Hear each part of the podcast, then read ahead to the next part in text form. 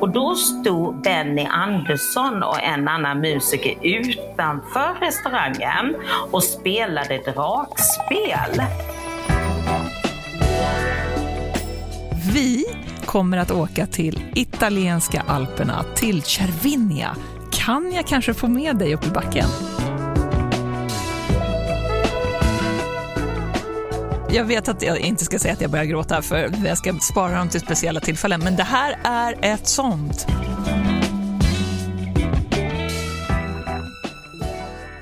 Erik Thomas Kristoffer Videgård, Ja. hur mår du? Jo, tack. Jag, mår, jag, mår bra. jag blev lite um, förbryllad här för jag läste, mass, vi får ju massor med, med tittarbrev.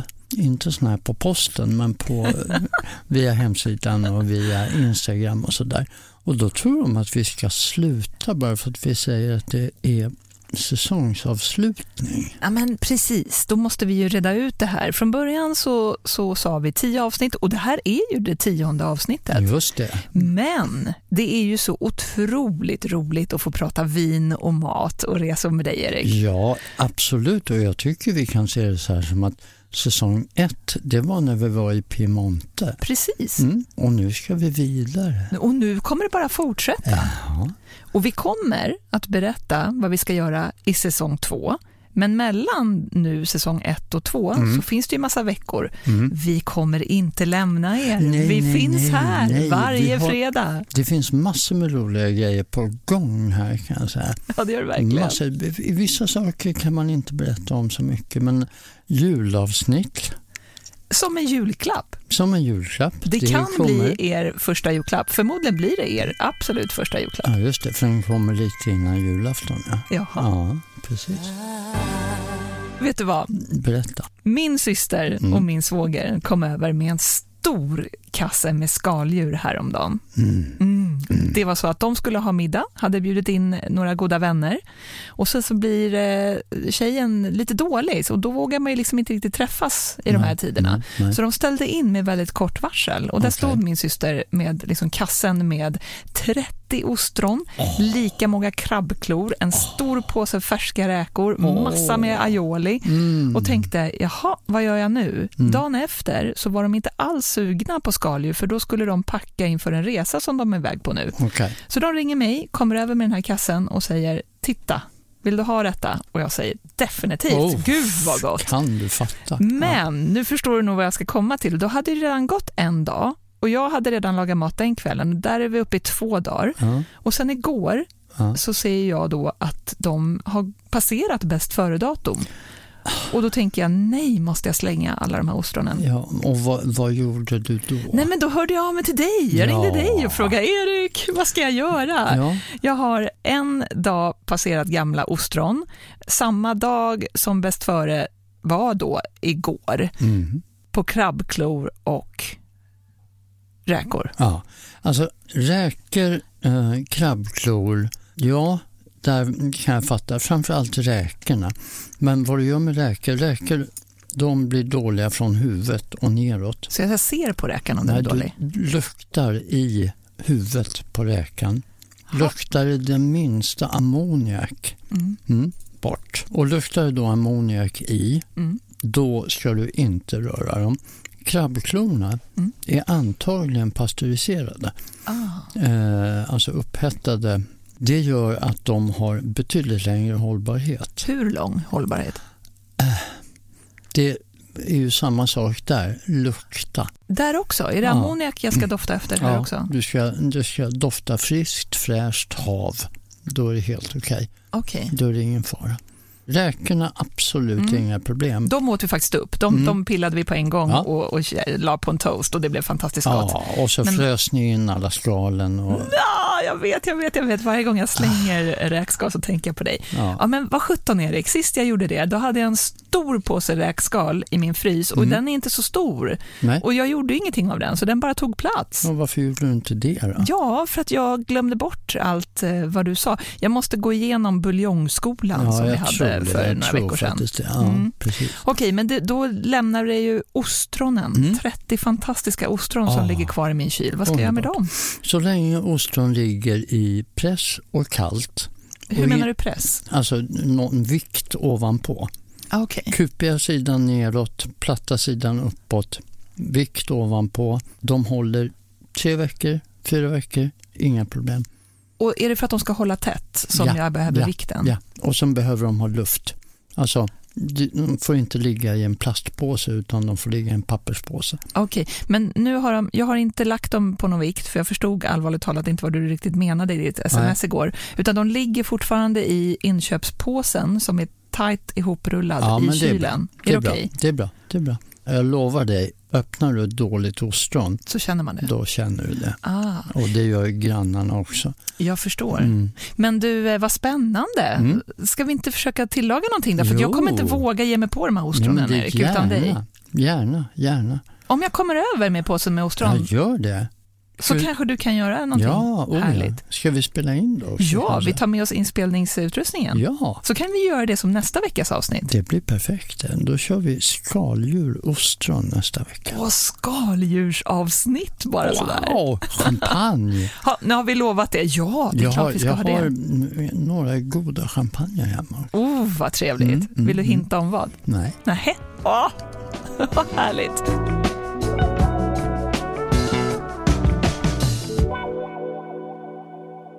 Vi var inne på, Erik, det här med att det är många som hör av sig. Jätteroligt. Mm. Vi släppte ju en grappa i begränsad upplaga Ja. som sålde slut på en gång. Ja, men det tog ju inte ens 24 timmar så Nej, var det poff, borta. Tack alla ni som lyssnar som är så intresserade. Det är så roligt att ni snappar upp det vi pratar om och att ni litar på vår smak. Ja, verkligen. Och Systembolaget hade ju blivit alldeles nerringda utav sådana som ville ha de här Mm.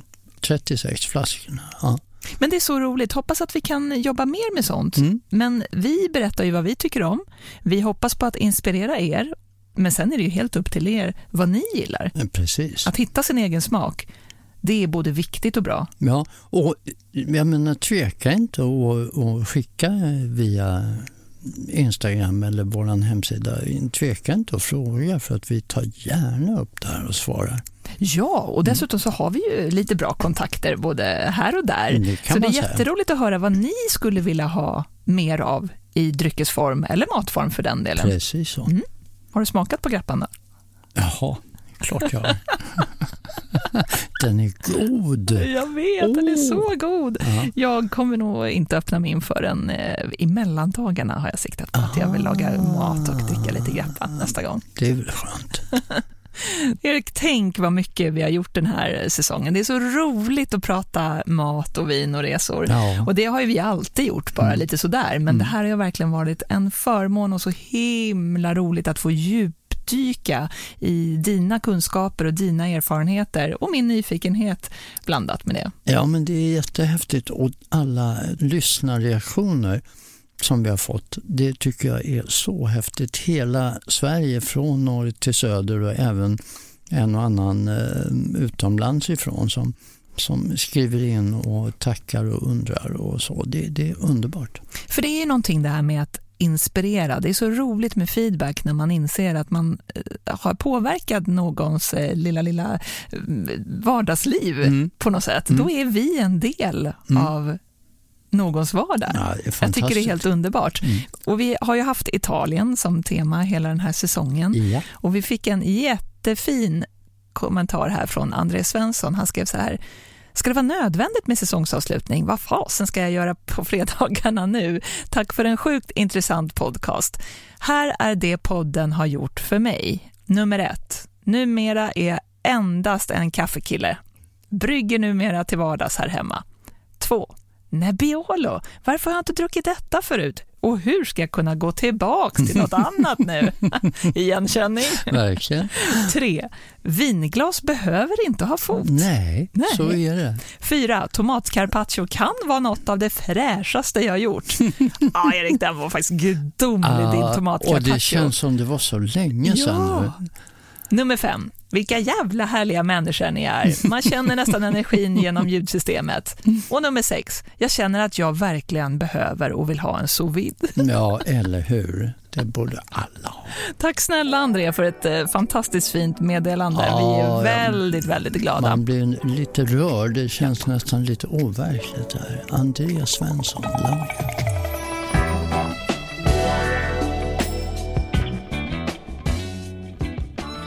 45 minuter AV är sponsrade av Vin Unik och The Wine Agency. Boxviner kan ibland ses lite sådär över axeln. Det är synd tycker jag. Boxviner kan vara alldeles, alldeles utmärkta och inte minst bekväma att hantera. Idag ska vi rekommendera två höjdpunkter i boxsortimentet. Vi börjar med 2019 Santa Vittoria Lange Rosso från producenten Giacomo Borgogno i Piemonte. Vinet är en blandning av druvorna Nebbiolo, Barbera och Dolcetto.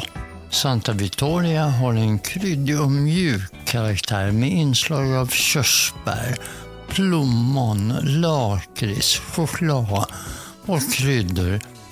Det har pigga syror och en lång eftersmak. Här har du en kompis till vinterns grytor men även till pasta och lagrade hårdostar.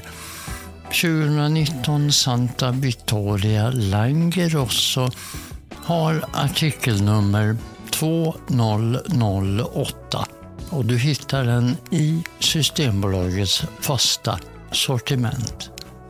Det andra vinet kommer från USA och Washington State. Det är 2019 Chateau Saint Michel som innehåller övervägande druvan Syrah med lite stöd av Grenache och Mourvèdre. Vinet har en fruktig ung smak med fatkaraktär och i doften hittar du björnbär, plommon, choklad, viol, krydd, nejlika och vanilj. Chateau Saint Michel Syrah funkar utomordentligt till grillade rätter och varför inte höstens lamm eller en hamburgare. 2019 Chateau Saint Michel på liten box har artikelnummer 2562 och du hittar den i Systembolagets fasta sortiment. 45 minuter av er säger stort tack till Vin Unik och The Wine Agency. 45 minuter AV är extremt glada över att vara sponsrade av Lavazza. Jag ska berätta en hemlighet. På morgonen vill jag börja med en kopp kaffe.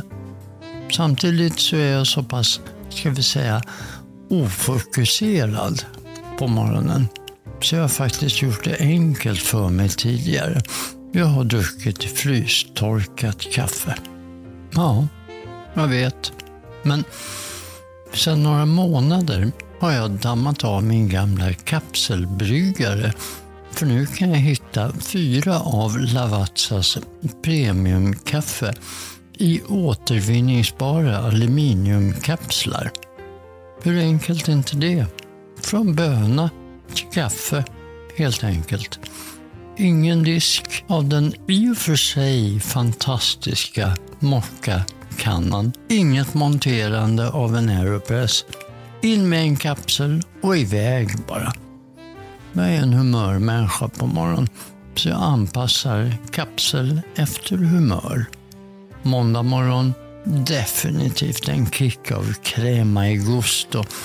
Tisdagar planar jag ut lite grann med en Qualita Rossa. Onsdag till fredag dricker jag medvetet ett ekologiskt kaffe, Tierra for Planet. Och till helgen lyxar jag gärna till det med en Lavazza Qualita Oro. Visste du att Lavazza även gör kaffekapslar för restaurangbruk? Det är ett annat system än det är för hemmabruk. Men vad det säkerställer är att du som gäst får en utmärkt kopp kaffe. Även om den som hanterar kaffemaskinen inte är en riktig barista. Tack för det Lavazza. 45 minuter AV håller sig igång. Mycket tack vare Lavazza. Vi tänkte att vi måste ju ge er årets absolut första julklapp och vi tänkte och tänkte och hur ska vi då liksom både summera den här säsongen men ändå inspirera till det som vi precis har framför oss. Mm. Mm. Precis. Så då tänkte vi till, Erik. Ja, och vi la pannorna i djupa veck och kom på en resa. Ja, och det, vi måste ju avsluta där vi började den här säsongen. Ja, Så vi, vi mm. kommer att åka till italienska alperna, till Cervinia, snart. Vi åker i början av december, vi spelar in när vi är på plats och så kommer avsnittet att sändas bara några dagar senare. Ja, precis. Och Cervinia är, det är så himla enkelt att ta sig dit. Ja, alltså jag har ju inte så bra koll. Jag har inte varit där. Det är jättespännande tycker jag. Men jag har ju sett våran um, itinerary så att uh, ja, det ser bra Du är ut. så rolig Erik Videgård, du bara, du bara hänger med. Ja. Ja. Ja. Nej, men planen är att vi flyger från Stockholm ner till Turin Ja. och sen så hyr vi en bil Mm. och så kör vi upp till Cervinia. Hur lång tid tar det ungefär? Ja, men det, det tar inte jättelång tid, det kan ta en och en halv timme ungefär. ja, det är ju ingenting. Nej, precis. Och så är vi där några dagar och det ska finnas så bra mat. Många restauranger med svenskkoppling. Mm. Det är därför lite vi har valt just Cervinia. Ja. Och sen kommer också vintern tidigt och det är väldigt snösäkert. ja, det är super. Kan jag kanske få med dig upp i backen? Jag hoppas det. Alltså, grejen är, jag åkte, jag har åkt skidor sedan jag var sex. Oj, då är du Och jag, jag har varit liksom i, i Alperna, mest franska sidan. Då. Eh, men sen när jag gjorde illa, eller gjorde illa när jag hade cancer i, i eh, halsen här, Mm. så jag var tvungen att operera bort en del av min käke eh, för att den blev strålskadad. Och då har de tagit en bit av mitt vadben. Ah, hur och satt- påverkar det benet då? Ja, Ja. alltså de säger så länge jag inte är proffshöjdhoppare eller häck- häcklöpare så ska det inte vara någon skillnad. Men jag har faktiskt inte testat att åka skidor med högerbenet. Aha, så du fick ställa in din OS-medverkan då? Det fick jag göra. Ja. Just höjdhoppet där eh, åkte åt helsike. Men ja, det är smällar man får ta tycker jag. Men skidor, gärna. Ja, nu vill inte meningen att jag ska få dig att bryta benet här Nej Erik, men vi får det se. Vi, vi kan ju åtminstone kanske lova varandra att vi tar liften upp, så kan vi besöka någon eh, topprestaurang. Ja, nej men jag vill gärna testa. Kanske inte puckelpist, men, men annars. Ska ja, vi börja i barnbacken? vi gör det. Åh, vad härligt. Det ska bli så väldigt roligt. Vet du vad jag ser fram emot mer? Nej. Inte bara besöka svenska restauranger, eh, åka skidor. Jag längtar efter att sitta framför någon brasa någonstans och prata mysiga juldrinkar med dig. Ja, ja, ja, ja. Och inspirera ja, ja. till matlagning över jul och nyårshelgerna. Mm, gärna det. Och då kör vi inte julmat utan då gör vi det, de här lite andra grejerna tycker jag. Alltså det, jag bara äter och lyssnar och ställer Ja, det är bra. frågor. Det Det är är, bra. du som är kocken. Perfekt. Det blir också en helt perfekt avslutning på en väldigt fin italiensk säsong. Ja, verkligen. Italien har ju verkligen givit oss jättemycket. Men jag funderar på nästa resa då, nästa säsong om vi säger så. Ja, det här är ju himla spännande. Ja. Var i världen är vi sugna på att åka? Vi pratar om att åka till lite fler ställen nästa säsong. För vi tänkte att det har ju varit underbart att prata om Italien. Det finns Mm, ju hur mycket att prata om.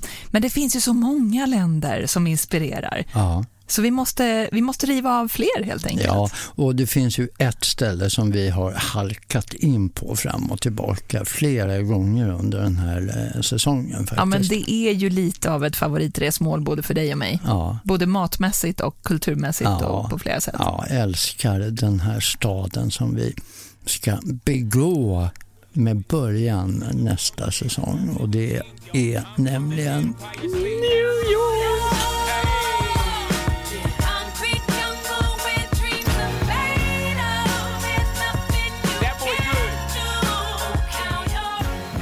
Ja, Ja, men det är ju så Erik, att New York är ju eh, alltid ett favoritresmål. Det har varit jobbigt nästan att inte kunna resa Ja, till New York nu ja, när det har varit eh, verkligen. pandemi. Du tror att man har kompisar där?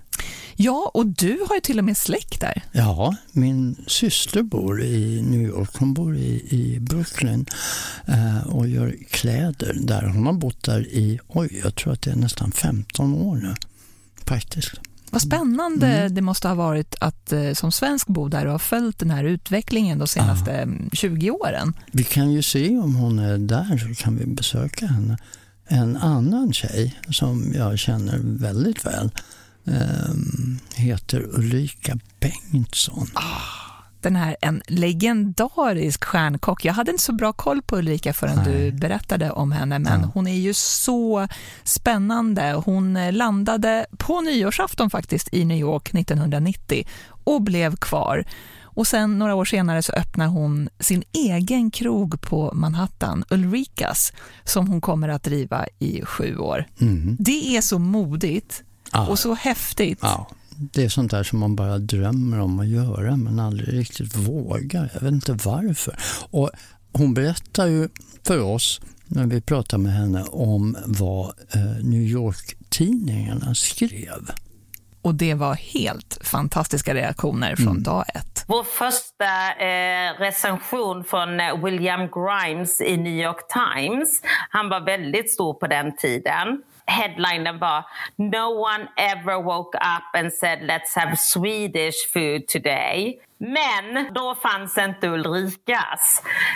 Missa inte denna liksom gem. Jag ryser när du återberättar det Ulrika. Det måste också liksom att få det erkännandet och betyget efter en sån resa som, som du hade gjort då och allt slit och hur du måste ha lagt ner hela din själ och hjärta i det här projektet. Jag kan tänka mig att ni hade många svenskar som kom eh, och hälsade på och åt när de var där också. Gud ja, och eh, Eh, vi hade ju också väldigt många typ så här, hockeyspelare som spelade i NHL, de hade ju också den här längtan till svenska köttbullar och gravlax och sill. Så det är ju väldigt många av dem som, när de spelade mot New York-lagen, som kom in och, och åt och eh, njöt av våra eh, svenska rätter. Ja, då passade de på förstås. Kan du inte berätta någonting om någon av dem? Hela New York Rangers, jag vet inte vem som tog med dem, men de var nog en 10-12 stycken. Och i, vad heter de, Vancouver, där var ju väldigt många svenskar som var med i det laget. Så att de tog nästan över hela restaurangen. Men en rolig eh, historia, det är när Björn och Benny, de tränade, de skulle öppna Kristina på Broadway. Så de tog hela restaurangen. Och då stod Benny Andersson och en annan musiker utanför restaurangen och spelade dragspel. Och då kom våra grannar fram och sa Gud vad mysigt, det här skulle ni ha varje dag. De hade ju ingen aning om att det var Benny Andersson från ABBA som stod där och spelade. Ja, vad härligt. Ja, nej, det vore väl något, Erik? Va? Och ha ABBA utanför Spelandes restaurangen. dragspel, visst är det häftigt alltså? Jag älskar att också så här, det där borde ni göra mer ofta. Ja, eller hur? Ja, man har ingen koll på vilka det var. Skäggiga gubbar. Liksom. Ja. Men vad kul om vi drar igång nästa säsong just i New York, för Ja. jag är jättenyfiken på hur den svenska närvaron ser ut idag. Jag menar, Marcus Samuelsson känner man ju till. Han var ju på Akvavit många år, sen kör han ju, är han kvar på Akvavit? Har han någon del kvar? Nej, nej, nej. nej. Nej. Det, det är Emma Bengtsson heter hon som är chef på um, Akvavit nu. Hon har ju två stjärnor. Ja, det är ju helt otroligt. Mm, verkligen. Men sen, det finns ju flera. Du har ju Aska med mm, Fredrik Berzelius. Just det. Inte att förglömma eh, på, eh, i Williamsburg. Har du varit där? Nej, ja, Det måste har vi gått besöka. förbi utanför. Bara. skulle ju vara jättekul att få titta in där eh, på Aska. Och så måste vi åka upp till Marcus Samuelssons Red Rooster uppe i Harlem. Ja, det får vi göra. Åh, och Det gärna vi. en söndag brunch Ja. så att vi får lyssna till Harlem Gospel Choir Ja, också. verkligen. Jag har varit där faktiskt. Det, det är en upplevelse. Ja, jag med. Ja, Och vilken comfort food som Ja. serveras till den där brunchen. verkligen, verkligen. Och musik i världsklass. Mm, underbart. Vad ska vi göra mer där tycker du? Vad bör man uppleva? Jag tycker vi ska ner i, um, på Lower East Side där du har Cats delikatessen och du har Russian Daughters. Du har den här judiska delikulturen som är helt magisk. Alltså frukost på Russian Daughters med Gravet lax och med, med bales och mm, ja, nej, underbart. Jag älskar också när jag kommer bara, ursäkta, finns det glutenfritt bröd? Ja. Och utan mjölkproteiner, alltså Ja. ingen ost, ingen smör. De har, de har, oj, oj, jag skojar bara, annars får du äta Erik. Brisket och mustard och, Oh. åh, det är underbart. Ja, men det måste vi ju verkligen eh, uppleva. Jag är, det ska bli otroligt att komma tillbaka. Och sen, vi måste ut till Queens Mm. för att där finns det en hel eh, food market med asiatisk mat från hela Asien. Jag var där ute och tittade runt. Det är alltså 50-60 ställen på ett och samma ställe. Wow! Ja, helt otroligt. Och Ulrika bor där ute. Ja, men det blir ju ännu Queens. bättre. Ja. måste vi ju eh, stämma träff med henne. Mm. Men okej, så det blir en resa. Vi kommer dela med oss av eh, inte bara upplevelser och erfarenheter, utan vi kommer tipsa om våra bästa restauranger Ja, verkligen. och ställen att besöka. Ja, verkligen. Erik, Ja. jag är så hungrig Nej, nu. men nu igen. Vet du vad? Nej. Jag tänkte då, i och med att det är New York som är temat Mm. och vi har varit i Italien, Mm. så tänkte jag lite Italian meatballs. Ah, ska du köra en liten fusion nu? Lite New York style. Men vad härligt. Men du, italiensk på eh, Manhattan, eller så här, italienskt i USA har ju varit stort länge. Ja, verkligen. Titta på Gudfadern. Mm. Vad är det som skiljer Italian meatballs i USA från Italien? De finns inte i Italien. Nej, jag trodde att du skulle säga storleken, för det måste ju skilja. Ja, de är lite, lite större. Men sen är det faktiskt så att Italian meatballs är faktiskt en New York-uppfinning. Jaha, så de, du menar allvar? Ja. I Italien så hittar man inte Ja, det- det frikadeller kanske, Jo, frikadeller kanske du hittar i någon soppa sådär, men inte det här med pasta och um, köttbullar. Nu får du ett vin till det här och det här är blint. Nämen, Ja. Erik tar fram en liten glasflaska Ja, och så häller som han häller upp här Så, i glaset utan fot. i glaset utan fukt. Då börjar jag med att dofta. Börja med det där, ska vi se om du kan. Mm, det doftar ju eh, ganska sött, mycket frukt och bär, mörka bär, Mm. Ehm, men också kryddigt. Doftar gott, Erik. Ibland när jag blindprovar, då brukar jag börja med att utesluta, alltså vad det inte är. Liksom. Ja, men det, Ja. Det, är, en- det är en bra grej. Då kan jag säga så här, det är inte från Spanien. Det stämmer. Det är inte från Spanien. Eh, jag tror heller inte att det är... Det är inte från Piemonte, det är inte Nebbiolo. Nej, det är inte Nebbiolo. Mm, ja, det här är gott. Det här var jättegott. Nej, men det är ju, då är, står det ju mellan Syrah, Merlot, Malbec. Malbec är lite mörkare. Ja, då, då väljer vi bort Malbec. Då Ja. säger jag på det att det inte, då är det, står det mellan Merlot och Syrah. Ja, det, det skulle jag nog kunna hålla med om faktiskt. Ja. Vad Det- skiljer de två då? Melon är fruktigare. Mm. Det är lite mera röda bär, lite mera, kan dra lite åt russinhållet nästan ibland. Det är ju druvan framför allt i Pomerol. Mm. Där använder man väldigt mycket Merlot. Då är det här alltså en Syrah, Ja. eller Shiraz som man också säger. Det är en Syrah eller Shiraz. Precis. Den var jättegod. Ja, du gillar den? Jag tyckte, jag tyckte faktiskt att den var jättegod. Ja, Nu är du väldigt duktig också på att servera de välkylda. Och det, jag är inte jättemycket för sötare viner, men, Nej. och där är jag ännu mer noga med att det måste hålla några grader eh, lägre temperatur, annars Mm. blir det alldeles för sött. För Mm, sötman mm, ökar ju mm. när, när temperaturen ökar så att säga. Ja. Och det här gör ju du exemplariskt. Och det här var väldigt gott, tycker jag. Jag gillar det där också. Vet du var det kommer ifrån? Nej. Det kommer ifrån Washington State. Nej! No. Så en amerikansk syra alltså? En amerikansk syra på box. Va? Ja, På riktigt? ja. Det här är ett boxvin. Nej. No. Att man håller på att racka ner på boxarna kan ibland stämma, men för det finns ju väldigt många boxar som funkar alldeles, alldeles utmärkt. Jag tyckte det här var jättegott. Skulle aldrig kunna gissa att det här var ett boxvin. Nej. Det var därför jag tog flaskan. Jag, jag misstänkte nästan Ja, det. Det var ja. väldigt kul att blindprova dock. Ja, Du, nu doftar de här eh, köttbullarna så gott. Ja. Jag måste smaka. det är så härligt för jag, gjorde, jag förberedde de här eh, för någon dag sedan. Mm. Och eh, när jag då gör i ordning, jag har gjort den här med glutenfri pasta till dig. Åh, åh, men jösses vad gott. Mm, mm, mm. Jag har, gjort, Åh, vad gott. jag har gjort de här köttbullarna med, med um, majsbröd i. Just för att få det glutenfritt. Men, alltså den mustiga smaken och Mm. konsistensen. Erik, berätta exakt hur du gör de här. Mm.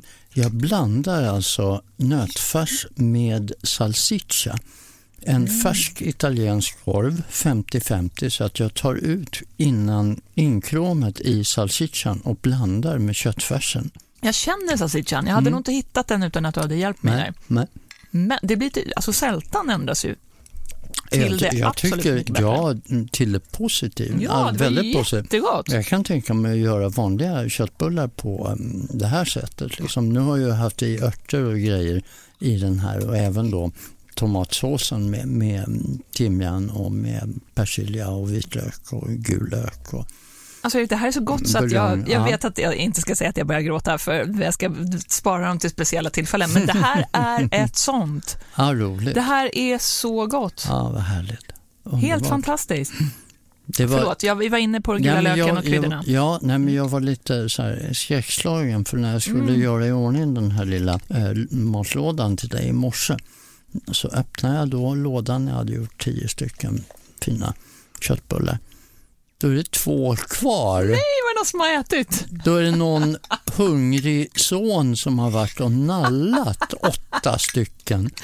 Av Va? vår poddmat? Ja, Nej. jo, ändå står det 45 Max. minuter av på. Ja, precis. Du, jag förstår honom. För han hade ju förmodligen känt doften, precis som jag fick göra här. Ja, var och smaken det. var, ju gudomlig. Så om, han hade, om planen var att smaka en och knycka en, Ja. det går inte att sluta. Nej, nej, okej. Nej, men det, det blev några över till dig i alla Mm. fall.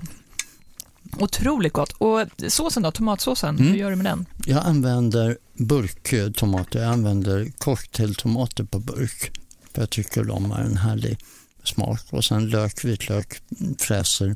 Lägger i köttbullarna utan att steka dem. På med ett lock i en gryta då. Och sen får de stå och puttra där i ett par timmar. Oj, Ja. på vilken värme? Eh, väldigt låg värme kan Mm. man köra i ugnen på 125 grader om man vill. Men du har inte ens stekt dem till en liten Nej, yta först? Nej, nej, jag bara lägger, lägger dem ovanpå såsen i, Ah. i uh, grytan och så locket på. Ja, helt otroligt goda. Mm. Erik, det här boxsyran funkade ju utmärkt till. Eller hur? Ja, har Borde du haft passa lite, jättebra. har du haft lite syra i såsen också? Jajamän, bryggan är där, rödvin i såsen. Den Ja. berömda smakbryggan. Ja. Och när vi säger att du har haft, hur mycket ungefär? Eh, Jag tror jag tog eh, till en liter sås Mm. tog, tog jag två deciliter vin. Jag kommer aldrig mer göra köttbullar utan salsiccia. Nej, eller vad hur? gott det var! Smart ju. Vi pratar om syra här. Varför heter det shiraz och ibland syra? Var, var, Och- varför heter det olika? Druvor har så många olika namn beroende på vart i världen man odlar dem. Så att en druva mm, kan heta mm, Zinfandel i USA, den heter Primitivo i eh, Italien, eller en variant utav den. Den kan heta Pinot Noir i Bourgogne och den heter Old de Lebre i eh, Katalonien. Alltså det, det är varianter på samma druvor som får olika namn beroende på var någonstans de växer. Men självklart så måste ju, jag menar, mycket beror ju också på jordmånen. Som vi tar till exempel en syrara Ja. eh, som gillar varma platser. Mm. Om man jämför en eh, amerikansk syra, som, Mm. som jag dricker nu, Mm. med en eh, fransk syra. Det här är ju Washington State, så det här är ju nord, nordvästra ehm, USA. Det är väldigt platt, det är mycket konstbevattning. De har jätteroliga vingårdar, många av dem är alltså cirkelrunda. Jaha. Ja, och så går det som en arm från mitten och ut till yttre delen med droppar, där det droppar vatten och så snurrar den här armen runt. Ja, ja, så ja, som vin, det är en rund vingård Jaha, så inte i rader som vi har Nej. i Europa? Nej. Går man då ner till eh, eh, Råndalen, där växer ju syran på sydsluttningar som är enormt branta. Så där får man ibland vincha upp traktorerna för att kunna ta hand om, om odlingarna. Så man får lära sig lite helt enkelt erfarenhetsmässigt Ja, för att ja. kunna eh, peka ut liksom, Ja. varifrån den del av världen vi är i Ja, utifrån samma druva. Vad spännande! Och sen är det som vanligt med, med vinprovning, en blick på etiketten säger ju mer än tio års kunskap. På vilket sätt? Ja, du kan ju se vad det är. Ja, men, då... men det är ju ingen sport. Nej, det är det inte. Det är ju jättekul med blindprovning. Ja, det är det faktiskt. Men det här är ju den värsta sorten när någon sticker fram ett glas till en och säger Jaha, vad är det här då? Du vet när de ska testa Jaha, ja, ja, det förstår en. jag. Man blir som en tränad delfin Ja, ja, ungefär. ja. Okej, du som sommelier, ja. jag Ja. är ju bara hobby, liksom, Ja, eh, då- drickare då är ja, det och kul. bara intresserad. Ja, Men, och, och då brukar, det första är ju färgen, brukar jag titta på. ja. Och där får man li- lite lära sig också, för Nebbiolo till exempel, som vi har pratat jättemycket om, det är ju det är en jättekraftig smak, intensiv smak, men druvan är ganska ljus. Så Precis den som, kan man ju ja, luras av. ja. Den får man lära sig att känna igen på smaken helt ja. enkelt. Och det är samma med Pinot Noir Mm. som kan ju vara enormt kraftig men är ofta i alla fall om man kommer i norra delen av eh, Bourgogne så är den ljus, väldigt ljus. Det här var så, jag kan inte sluta äta, Nej, Erik. men gör inte det. Åh, vad gott det är. Ät på. Mm.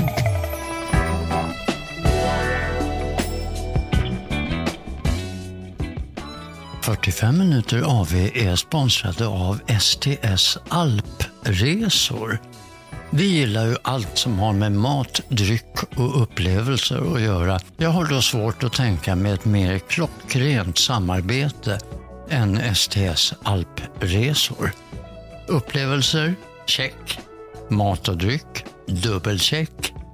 STS tar dig till inte mindre än 12 destinationer i Österrike, Frankrike och Italien. De driver flera egna hotell med fokus på service, mat och dryck. Och då har jag inte ens nämnt den suveräna skidåkningen. STS ambition är att sätta guldkant på din vistelse från början till slut. Och väljer du STS Alp Inclusive paket ingår alla middagar i resans pris. Plötsligt kan jag börja se fram emot vintern. Serchevalier, Cervinia, Bad Gastein. Kan det inte börja snöa snart? 45 minuter av er är väldigt glada och välkomna STS Alpresor som ny sponsor. Gå nu in på deras hemsida alpresor.se och boka bums. 45 minuter AV är sponsrade av Sundqvist AB. Sundqvist är både proffsens och hemmamatlagarens bästa vän när det gäller utrustning. Allt från knivar, pannor, grytor och glas hittar du hos Sundqvist. Nu bjuder dessutom Sundqvist 45 minuter AVs lyssnare på 25% rabatt på hela sortimentet när du handlar på hemsidan sundqvist.se. Ange bara koden 45AV25 när du beställer. När det gäller vinglas har Sundqvist Sverigeagenturen för de ikoniska glasen från Riedel. Riedel firar 265 år i år. Riedels glas är druvspecifika. Det betyder att varje druva har sin egen form på kupan för att framhäva den smak som vinmakaren har för avsikt att vinet ska smaka. Från vinmakare till vinsmakare helt enkelt. Ett bra vinglas har en kupa som lockar fram druvans bästa egenskaper och skapar harmoni mellan utseende, doft och smak. Riedel har arbetat med att ta fram druvspecifika glas i över 50 års tid och är idag den helt marknadsledande inom området. För sommelierer och vinkännare världen över är Riedelglaset ett måste. Min personliga favorit är Stemless Wings. Ett vinglas utan fot som gör vindrickandet mindre pretentiöst och låter dig bokstavligt talat komma närmare vinet. Stemless Wings finns för Cabernet Sauvignon, Pinot Noir, Nebbiolo, Riesling och Champagne. Fast ska jag vara helt ärlig testade jag med en Sangiovese. Det gick alldeles utmärkt i ett Cabernet Sauvignon-glas. 45 minuter av er tackar för fantastiska vinupplevelser i Riedels glas från Sundqvist. Vi har kommit fram till i köket. Ja, Ja, vi gillar ju att vara i köket, eller ja hur? alltid, Och idag alltid ska det handla roligast i om- köket. Det är alltid roligast i köket och Ja. idag ska det handla om kvarnar. För jag tror att många inte ens använder riktiga kvarnar utan kanske nöjer sig med de här glasburkarna med kryddor i som man kan köpa i mataffären. Håller du med då? Ja, eh, jag slår ju gärna ett slag för att använda hela kryddor, alltid. Svartpeppar är väl en bra, ett bra ställe att börja, tycker jag. Skaffa en riktig svartpepparkvarn och använd bara hela korn. Det gör en enorm skillnad och det är inte så jäkla svårt. Det finns ju till och med de här där du alltså köper kvarnen, peppar i en kvarn en engångskvarn egentligen. kan man göra, men jag tycker det är lite synd. Jag förespråkar de här kvarnarna där du kan ställa malningen under. För ibland så vill du kanske ha finmalen svartpeppar. Om du gör en pasta carbonara till exempel, då vill du, vill du ha grovmalen svartpeppar.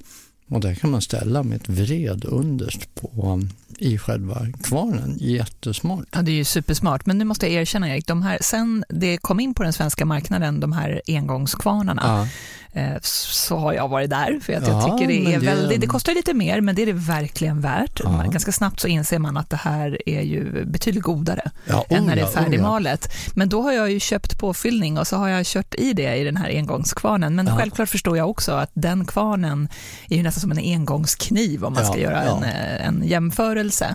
Men hur mycket handlar det om i pris? Det är stor prisskillnad. Vad kostar de här ungefär kvarnarna då som man kan ställa in? Ja, de ligger någonstans på ja, 600-700 kan du få en för Mm. av god kvalitet. Och då har de, jag tror att de har 10 års garanti till och med. Så det är väl investerade det är pengar? väl investerade pengar och, och sen ska vi inte glömma morten. Mm, ja, men den tycker jag är jättesnygg att ha i köket, men jag kan erkänna att jag inte använder det så ofta. Nej, men det, alltså, det finns ju olika typer av mortlar också. Du har den här rejäla marmormorten med en eh, marmormortelstöt. Den är perfekt för peppar, hårda kryddor. Så. Men om du till exempel ska eh, slå ihop en thailändsk eh, sås då vill du inte ha en, en eh, marmorstöt utan då vill du ha en trästöt Vad gör det för istället. skillnad på smaken? Det är ju det att du ska bulta ut smaken ur den färska chilin. Ja. Ja, och med en marmorstöt så får du inte alls samma konsistens. Mhm. Så att där använder man ju kanske en terrakotta-mortel som är betydligt större och så har du en trämortelstöt istället. Alltså en helt ny mortelvärld öppnades precis upp för mig, Erik Videgård. Ja, och sen om du gör kryddor, säg att du har rostat eh, fänkålsfrön, du har rostat eh, spiskummin, kanel, du har rostat de här härliga kryddorna och så ska du göra det till en, eh, ja, något nordafrikanskt till exempel. Har du då en gammal kaffekvarn, en sån elektrisk kaffekvarn, kör kryddorna i den. Ja, men vad smart. Det är skitbra. Såklart. Mm. Men vilken bra julklapp att önska sig då kanske? En ordentlig kvarn där jag kan ställa in graden på. Ja, absolut. En, en sån manuell pepparkvarn med inställning i botten. Perfekt. Och i mitt nya kök som vi ska börja renovera snart. Ja, vill jag ha en mortel. Ja, det ja. Spännande. Jag vet, det kommer Ja. också vara en följetong säsong två. Ja, hur du bygg, bygg ditt eget kök. Ja, hur du eh, råder mig Ja. att bygga det. Mm. Ja, För där det- har jag ju förstått att man inte bara ska gå på vad man tycker är snyggt, utan det måste ju vara funktionellt också. Verkligen. Ergonomiskt funktionellt. Verkligen. Jag har gjort några kök som har blivit riktigt, riktigt bra faktiskt. Ja. Nej, vad kul. Mm. Nu vill jag bara att vi ska vara där. Ja. Ja. Erik, vi har kommit fram till eh, veckans frågor och Stina i Lund hon skriver så här. Hej Jenny och Erik, tack för en jättefin podd. Varsågod. Tack så mycket för att du lyssnar Stina. Jag har en varmluftsugn men är lite osäker på när jag ska använda den och när jag ska använda den vanliga ugnen. Vad passar bäst för just varmluft och vad passar bäst för vanlig ugn? Vilken bra fråga. Eh, Jättebra fråga. Alltså har man en varmluftsugn då brukar man ju köra den hela tiden. Man får ju tänka på att dra ner temperaturen 10% mot vad som står i receptet. Alltid. Om receptet är skrivet för en vanlig ugn. En varmluftsugn kommer till, det är en variant på en proffsugn och det är för att du ska kunna ställa in flera lager i samma ugn men ändå få en jämn värmedistribution i ugnen. Så istället för att du bakar en plåt kanelbullar i taget så bakar du här tre. Man utnyttjar utrymmet. Ja, på ett helt annat sätt. Så att egentligen kan man ju säga att du behöver inte använda värmefläkten. Mm, Om du till exempel har en gryta i ugnen, då gör den ju ingen nytta utan då ska det vara 125 grader för grytan och ingenting annat. Så om jag inte har flera eh, sektioner i min ugn så behöver jag egentligen inte använda varmluftsugn? Nej, men vad du får utöver det här det är att om du till exempel gör bullar i ugnen då får du en jämnare värmedistribution så att även om du bara har en plåt i ugnen så blir de gräddade jämnt. Om du tänker att du bara har eh, värmen som kommer från värmeelementen då är det ju aldrig så att din ugn har exakt tem- samma temperatur överallt i hela ugnsutrymmet. Mm. Och då kan det bli så att några bullar blir lite mörkare och några blir lite ljusare. Det. Men med varmluft, då blir det jämn temperatur. Just det, men gäller inte det även för mat då? då? Jag menar, Mm. då är det väl egentligen Men inte jättebra om man... du har en gryta. in- borttaget grytan. Mm. Men annars är det väl jättesmart då med varmluft till allt nästan. Ja, kan man ju säga. Därav. Ja, därav luften. Men om du då ska torka någonting, till exempel i ugnen, om du lägger in tunna skivor äpplen för att göra någon garnering eller för att göra chips eller sådär. Om du drar på eh, fläkten då, då kommer du hitta alla chipsen under plåten i ett hörn för att de blir bortblåsta av fläkten. Okej, så eh, sensmoralen här blir använd inte varmluftsugn till att torka äpplen. Ja, precis. Vad bra. Nästa fråga är från William Landqvist. Hej Jenny och Erik, jag vill ha tips på organmat. Erik pratar ofta om att ta tillvara på hela djuret. Jag har fått tips på att använda kycklinglever i köttfärssåsen till exempel. Äckligt tycker en del, men väldigt gott. Hur ska jag tänka när det kommer till organmat? Mm. Det där är ju spännande. Offal säger man i um, engelsktalande länder. Och det inkluderar ju då lever, njure, hjärta, oxsvans till och med. Tunga, massa mysiga saker. Man kan laga jättegoda grejer på. Kalvlever anglais är ju en riktig favorit med bacon och med bönor. Och supergott rödvinssås. Ja. Så du håller med William om här Jag håller det med. Och är det här gott att att använda, använda? Ja, verkligen. Det är jättegott att använda i och just kycklinglever och mixa det och använda och steka upp med färsen till en köttfärssås ger enormt härlig smak. Mm. Underbart. Nej, men jag hör vad ni säger, men jag är är inte där riktigt än. där än. Nej. Utan jag är inne på salsichan här och blandar upp min färs med den. Ska jag göra en kalvnjure med fransk senapssås det till kanske dig? inte. det är säsong 12, Erik. Är det, är det så? Ja. Ja. Åh, vad underbart. På, det ska jag säga, på Kockarnas kamp så gjorde jag eh, lammnjure på ett sätt som heter eldexploderande. Oj, hur var reaktionen då från de andra kockarna? De, alltså, de pratar fortfarande om det här och hur fantastiskt det var. Senast förra veckan när jag var nere i Malmö så träffade jag Marie Skogström som var med i Kockarnas kamp samma säsong som jag. Och hon inledde vår matlagningskurs med att berätta om just den här lammnjuren. Wow! Ja, Så du inspirerade och revolutionerade även eh, proffskockarna? jajamän. Det är klart du gjorde. Erik, det är helt otroligt. Det här är det tionde avsnittet. Ja. Men det slutar inte här, vi lovar er. Ja, vi, Skulle, man skulle kunna säga att det börjar här. ja det, nu har vi tränat här tio avsnitt och nu kör vi minst 12 till. Underbart! Så i nästa avsnitt då har Erik lovat mig att visa hur jag tar tillvara på skaldjuren på bästa Ja. sätt. Det ska vi göra. Det ser jag fram emot. Ja, och vi ses i ditt kök då. Då ses vi i mitt kök Ja. nästa vecka. Perfekt.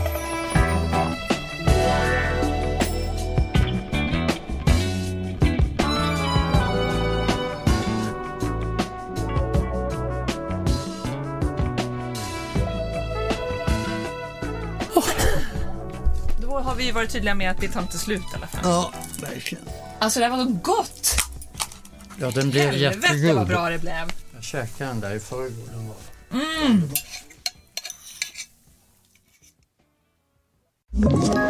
Ett poddtips från Podplay. I podden Något Kaiko garanterar östgötarna Brutti och jag, Davva, dig en stor dos skratt. Där följer jag pladask för köttätandet igen. Man är lite som en jävla vampyr. Man har fått lite blodsmak och då måste man ha mer. Udda spaningar, fängslande anekdoter och en och annan arg rant. Jag måste ha mitt kaffe på morgonen för annars är jag ingen trevlig människa. Då är du ingen trevlig människa, punkt. Något Kaiko, hör du på Podplay. Därför är gardinerna.